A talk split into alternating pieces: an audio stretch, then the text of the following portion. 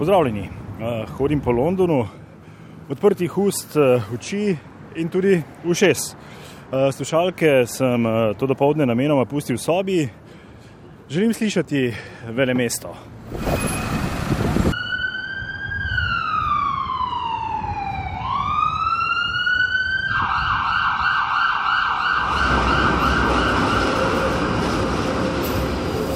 Podzemna železnica, vlaki, cestni promet, policija, rešilci. Eh, Zdaj stojim na mostu Waterloo čez Temzo, ki že nekako 200 let povezuje dva dela Londona. Mimo glasno švigajo avtomobili in eh, avtobusi, Eh, prek sosednjega mostu je ravno peljal vlak, po reki v tej kakofoniji skoraj neslišno plujejo ladje. Na nebu je glasen helikopter.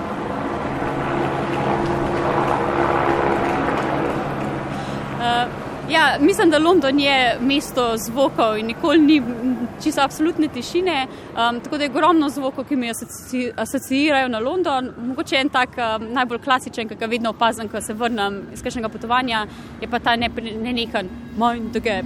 Mind the gap Um, ki ga slišiš na podzemni, pri tovornjakih, na avtobusih. Uh, tako da mogoče to je en zvok, ki ga povezujem z Londonom. mind the gap between the train and the platform. Pina Sadar že desetletje živi v Londonu. Eh, Pravi, da jo zvoki rešilcev, prometa, helikopterjev ne motijo več tako kot nekoč. Ja, mislim, da je to ena prva stva- stvari, ki si jih navadiš v Londonu in je res neverjeten, kako hiter je po kakšnih mesecih, dveh um, te zvoke, kar nekako izoliraš. Kar je, mislim, da v Londonu zelo pomembno. Mogoče še kaj o prijetnih zvokih Londona. Meni je fantastično po vseh teh eh, marketih, parkih, eh, ulični glasbeniki, ti neverjetni performansi, ki zvenijo tako skoraj profi.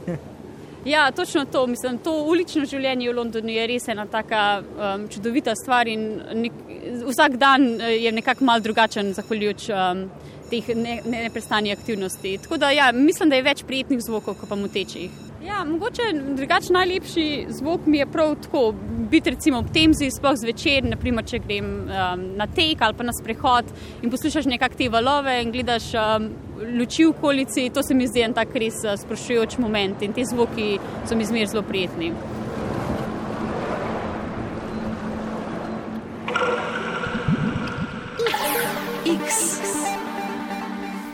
Moje ime je Luka Hvalc, poslušate frekvenco X, prvo epizodo serije, ki jo posvečamo zvokom, tako prijetnim kot neprijetnim, pomirjujočim in razdražujočim. Najprej se posvetimo slednjim. zvok rešilca. To me tako nekaj vzbudi prav strah. ta jeza, agresija med ljudmi, pa kakšne te hitri uh, avtomobili, hitri stroji, hitri motori, take stvari. Če tako recimo, ker nekje hodim, pa slišim neko ful tako glasbo, ono ful dum, dum, dum, dum, mi ful neprijetno postane. Tudi meni je nelagodno, naprimer, ko zaslišiš vrm, naprimer, helikopter nad hišo. Ne vem, jaz se vedno spomnim na kakšne vojne zadeve, iskanje nekih ljudi eh, ob nesrečah. naprimer. Tak, te stvari me ganejo.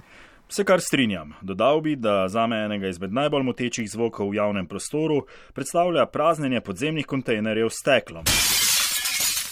Motijo nas tudi zvoki kosilnice, pa puhalnika za listje, alarmi vseh vrst, kakofonija blagajniškega skeniranja črtni kot ste navedli tudi na Twitterju. Sesanje, ko sosedi sesajo. Veste, kateri je zvok kosilnice, ker me spominja na delo. In to bolj ni nedelja. Če nekdo zunaj eh, recimo vrta ali pa žaga ali pa kaj takega. Uh, jaz živim uh, v predmestju, predmestju oziroma v bolj vaškem okolju in uh, težka gradbena mehanizacija ali pa uh, cirkularne žage. Pa moram vam reči, da je center mesta sorazmerno, razen kakšni avtobusi zjutraj peti, drugače pa je center mesta v soboto, nedelja zelo umirjen. Takole so nam o zvokih, ki jih najbolj motijo v javnem prostoru, povedali na ulicah. Tudi na družabnih omrežjih je bilo na to vprašanje največ odgovorov ravno povezanih s prometom. Zaviranje, hupanje, sirene, navijanje gasa, je recimo zapisala Katarina. Jan je dodal glasno speljevanje motorjev in njihovo navijanje. Doktorica Sandra Morovič je nevrologinja iz Zagreba, je aktivna članica Mednarodnega inštituta za zdravje možganov in zunanja sodelovka fakultete za promet. Kako je torej z našo percepcijo zvoka v prometu? Da, pa istina je, e, zapravo mogu smetati pogotovo ti zvukovi neki iz prometa koji nisu prirodni. Zagotovo so lahko ti zvuki moteči, še posebej nenaravni. Oglašanje ptic nas ne moti, hrup avtomobilov pač. Ko se nekdo hitro pripelje po ulici in vas recimo prebudi, to nedvomno zbudi nelagodje in nas izpostavi stresu. Dolgotrajno izpostavljanje takšnemu hrupu vsekakor ne vpliva dobro na zdravje. Zanimivo je, da se ljudje veliko lažje navadimo hrupa, ki je ritmičen in stalen. Šokira pa nas nenaden in nepričakovan hrup. Neko stalno zvočno onesnaženje v ozadju nas ne moti toliko in se ga navadimo.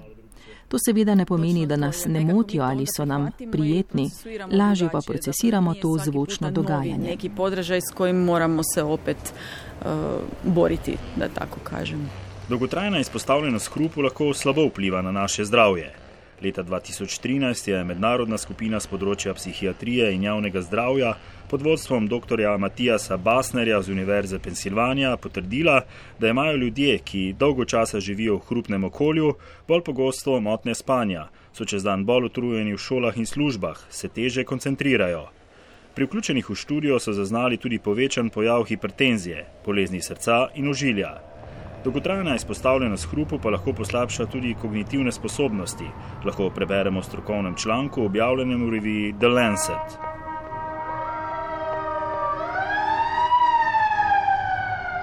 Da je hrup cestnega prometa lahko povod za srčne napade, ugotavlja tudi dr. Jotong Samuel Kaj, epidemiolog z Imperial College v Londonu. Analiziral je zdravstvene podatke več kot 350 tisoč ljudi v Veliki Britaniji in na Norveškem in ugotovil, da je dolgotrajno izpostavljenost prometnemu hrupu zaznati tudi pri biokemijski analizi krvi. Nekatere druge študije ugotavljajo tudi večja tveganja za razvoj sladkorne bolezni in prekomerne teže ob dolgoletni izpostavljenosti hrupu. Zagotovo pa imamo mnogi zaradi hrupa, preglasne glasbe in drugih motečih zvokov izkušnje z glavoboli. Doktorica Sandra Morovič.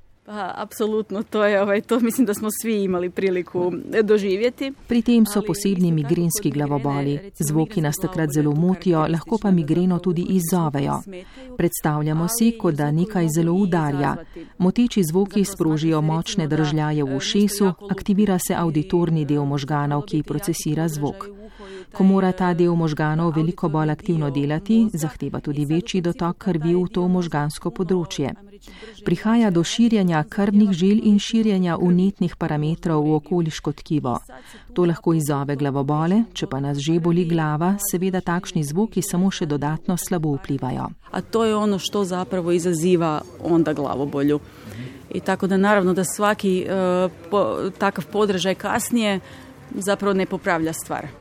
Toda zakaj nas nekateri zvoki tako zelo motijo, kaj se takrat dogaja v možganih?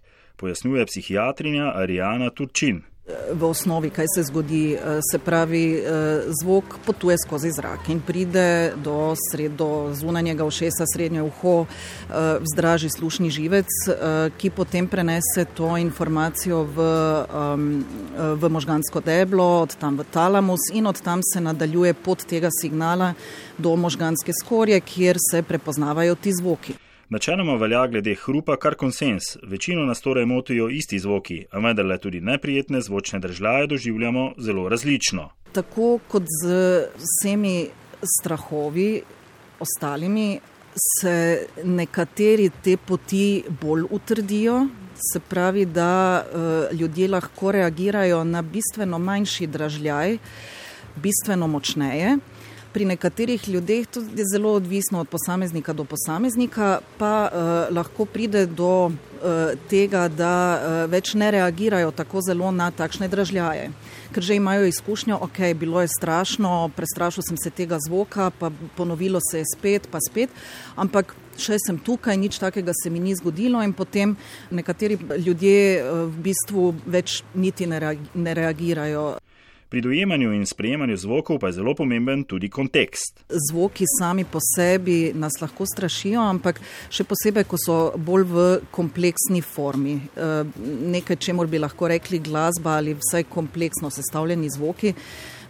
Sami imamo izkušnjo, da se prav za zvočno kuliso pri filmih recimo lahko potencira neka napetost, nevarnost, ljudje so bolj pripravljeni, da se bo nekaj hudega zgodilo, ravno zaradi te zvočne podlage. Če gledamo samo sliko, morda ne bi bili uh, toliko uh, pod adrenalinom. Arijana Turčin je kot psihiatrinja delala v Mariboru in Ljubljani, zdaj deluje v Zagrebu. Tudi ona kot najbolj moteči zvok izpostavi promet. Neprijetno zvočno in siceršno izkušnjo pa je kot prebivalki starega mestnega jedra hrvaške prestolnice pustil tudi lanski potres. Potres v zvočnem spominu ostaja tudi nevrologini doktorici Sandri Morovič. Zvoki potresa je tudi po skoraj dveh letih še vedno zbudijo neprijetne občutke. Pa je, je, pod, joj, nadam se da neće više. Ovaj, pa znate šta, mislim da smo mi više ovdje, je jedno bubnjanje i... i Bobnenje, padanje konzerv s polic, vso to tresanje samo po sebi. Kombinacija vsega skupaj vzbuja tudi slabe zvočne spomine, a po drugi strani lahko prijetne zvočne spomine iz preteklosti uporabimo tudi kot terapijo. Vsa naša možganska omrežja so povezana med seboj. V možganih sta si centr za ugodje in centr za nagrajevanje zelo blizu in to je zelo povezano z ugodnimi učinki glasbe na možgane. Veže uz isto taj pozitivan efekt uh, muzike na mozak. X. Sem pred Ljudkovnim gledališčem v Ljubljani, kjer čakam še na en prepoznavni zvok v prestolnici.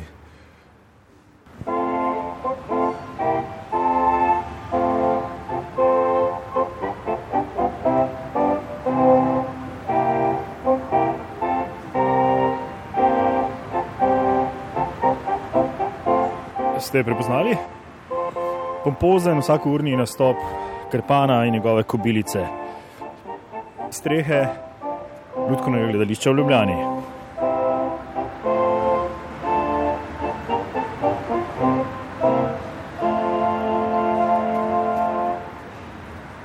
Če grem po gozdu zjutraj, peš, petje ptic, šumenje vetra, to. Zvok reke me pomira, ali pa vode tekoče, ne, ali pa tudi valovi, ali pa uh, to me pa res pomirja in me sprosti in potem nič ne razmišljam, mi kar glavo spraznjeno. Ptički, tako recimo, ko greš ali pa ne vem, listje, če zdaj slišimo nekako lepo šumi, kako hočeš ta jesen in tako naprej. No, tako da take narava. Med prijetnejšimi zvoki v javnem prostoru ste na družabnih omrežjih izpostavili recimo ulično glasbo, žuborenje vodnjakov, celo gruljenje golobov. Mnoge inspirira in pomirja čebljanje otrok in vrveš igrišč, čeprav nekatere to tudi moti. Podobno različno je dojemanje zvonjenja crkvenih zvonov in zvokov z drugih verskih objektov. Absolutno pozitivne vibracije pa vzbujajo ptiče petje in vsi drugi zvoki narave. Med bolj zanimivimi odgovori o prijetnih zvokih lahko izpostavimo še peko kostanja, pa zvok ženskih petk, celo konskih kopit. Uh, ali pa neki smut kavarniški jazz, tako zelo sem preprosta oseba, kavarniški jazz. ja, muzika, kaj. Jaz sem bolje odoli, ne bolje te narodne, naše zabavne. Ne. Ena muzika, recimo, Muzič, muzički zvok. On bi bil dober, prijeten, on je prijeten, drugi pa ne. Adel njen glas, to je balzam za moje oči in ušesa. Prijetni zvoki nam torej sprožajo pozitivne vibracije, nas pomirjajo, zato ni presenetljivo, da jih lahko izkoristimo v terapevtske namene. Pa je, absolutno se glasba istražuje v medicini in utjecaj glasbe na razne bolesti. Ekipa nevrologinje dr. Sandre Morovič je raziskovala, kakšen je vpliv glasbe na različne bolezni. Konkretno so preučevali, kakšen je pomen glasbe pri rehabilitaciji po možganski kapi.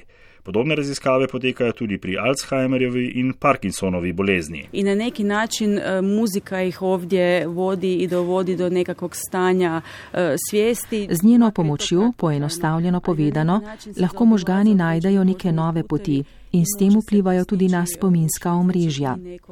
Ko so bolnike z Alzheimerjevo boleznijo spraševali o nekaterih biografskih podatkih, so številni veliko bolje odgovarjali, če so zraven poslušali klasično glasbo.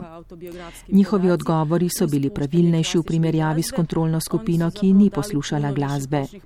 Pri Parkinsonovi bolezni pa so spremljali rehabilitacijo hoje o poslušanju glasbe in videlo se je, da ko človek spremlja oziroma posluša ritem, veliko bolje hodi. Ima daljši korak, veliko bolje motorično sposoben. Učinek je ostal tudi po koncu poslušanja glasbe. Što isto učinak traje i nakon prestanka slušanja glazbe, što je zapravo vrlo znakovito i znači da je vrijedno daljnjeg istraživanja. Mehanizmi še niso povsem pojasnjeni. Glasba zaposluje celotne možgane, saj ne sedruje samo eno možgansko področje, ko poslušamo oziroma obdelujemo tisto, kar slišimo. I tu je, na primjer, različito, različiti dijelovi mozga se aktiviraju kod mene e, ili kod nekog ko je profesionalni muzičar. Znači, pri meni se, na primjer, aktivirajo drugi deli možganov kot pri nekom, ki je profesionalni glasbenik. Oni drugače vidijo glasbo, če lahko temu tako rečemo, in tako poteka vzpostavljanje več sinaps. Sinapse so povezave med našimi nevroni. Na takšen način možganske celice dobivajo hitrejše odgovore. Lahko govorimo o plastičnosti možganov, ki je zadnje desetletje ali dve glavna tema v nevrologiji. Dejstvo je, da so možgani zelo plastični in omogočajo učenje novih stvari, zmožni so se prilagajati. Tako kako smo se rodili, toliko stanica imamo, da se zapravo i, i ti postulati mijenjaju. Tako terapija, kot že samo poslušanje glasbe imata pozitiven učinek na razvoj možganov pri otrocih. Pretežno se govori o Mozartovoj glasbi, vjerojatno je najviše istraživana i taj Mozartov efekt. Znači Največkrat govorimo o Mozartovi glasbi, verjetno zato, ker je najbolj raziskan tako imenovani Mozartov učinek, torej pozitiven vpliv glasbe na možgane. Za zdravi rast i razvoj. Vsekakor se priporoča, da se za zdrav razvoj možganov mladim otrokom predvaja klasična glasba.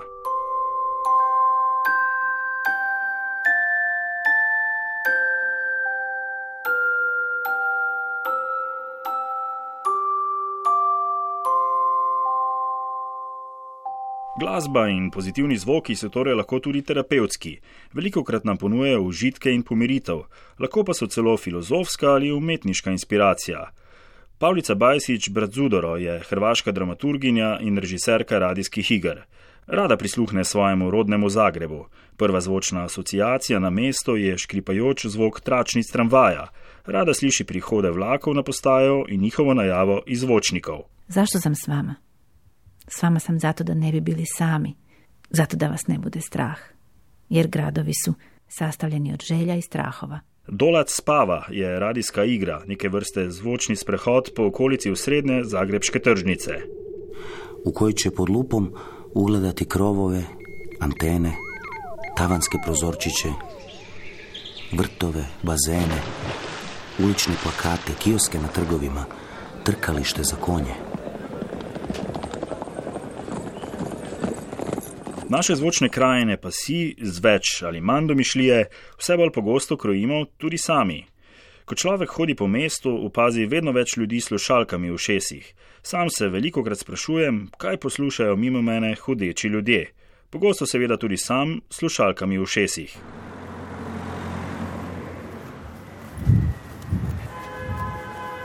Še vedno hodim po Londonu, zadnjo uro sem imel v šesih slušalke zvočno krajino, vele mesta sem si ukrojil po svoje.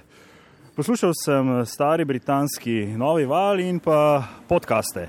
Med njimi epizodo podcasta Sound Matters o zvokih Londona, v kateri je zanimivo razmišlja tudi dr. Colin Black. Tako sem opisal, če morda v Londonu in bi bil pripravljen sodelovati v frekvenci X. Kmalo mi je odgovoril in presenečeno sem obstal. Lahko se srečava, piše ampak trenutno živim v Ljubljani. Uh, hi, Colin. Hi. We are in Ljubljana. Uh, what is your first association about sounds, noise, and Ljubljana? Oh, for me, uh, the sound of Ljubljana is is pretty much governed by the architecture of Ljubljana, like with Prešernen Square. Colin Black glede zvoka v Ljubljani izpostavlja posebno akustičnost Prešernovega trga, na katerem sam sliši zvoke iz različnih ulic, še posebej cerkvene zvonove.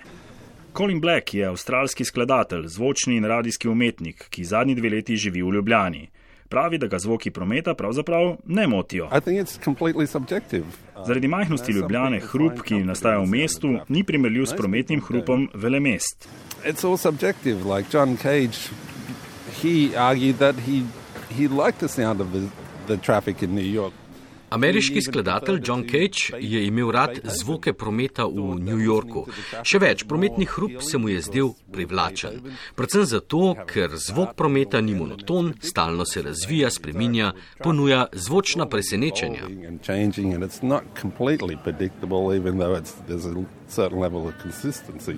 So I think most people don't like it, but there's some people that really like it and find comfort in the traffic sound. Colin Black je več mesecev snemal različne zvoke Londona, od prometa podzemne železnice do kričočih prodajalcev časopisa. So I recorded the underground, I recorded people selling papers on, on the street. you know. Podal se je tudi v naravo, v parke, snemal je zvoke ljudi in celo zvoke dreves. In one of the parks, I recorded trees up close because I thought that they were like a very.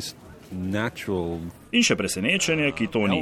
Kateri zvok ga najbolj asociira na London? For me, it's definitely mind the gap in the underground, you know.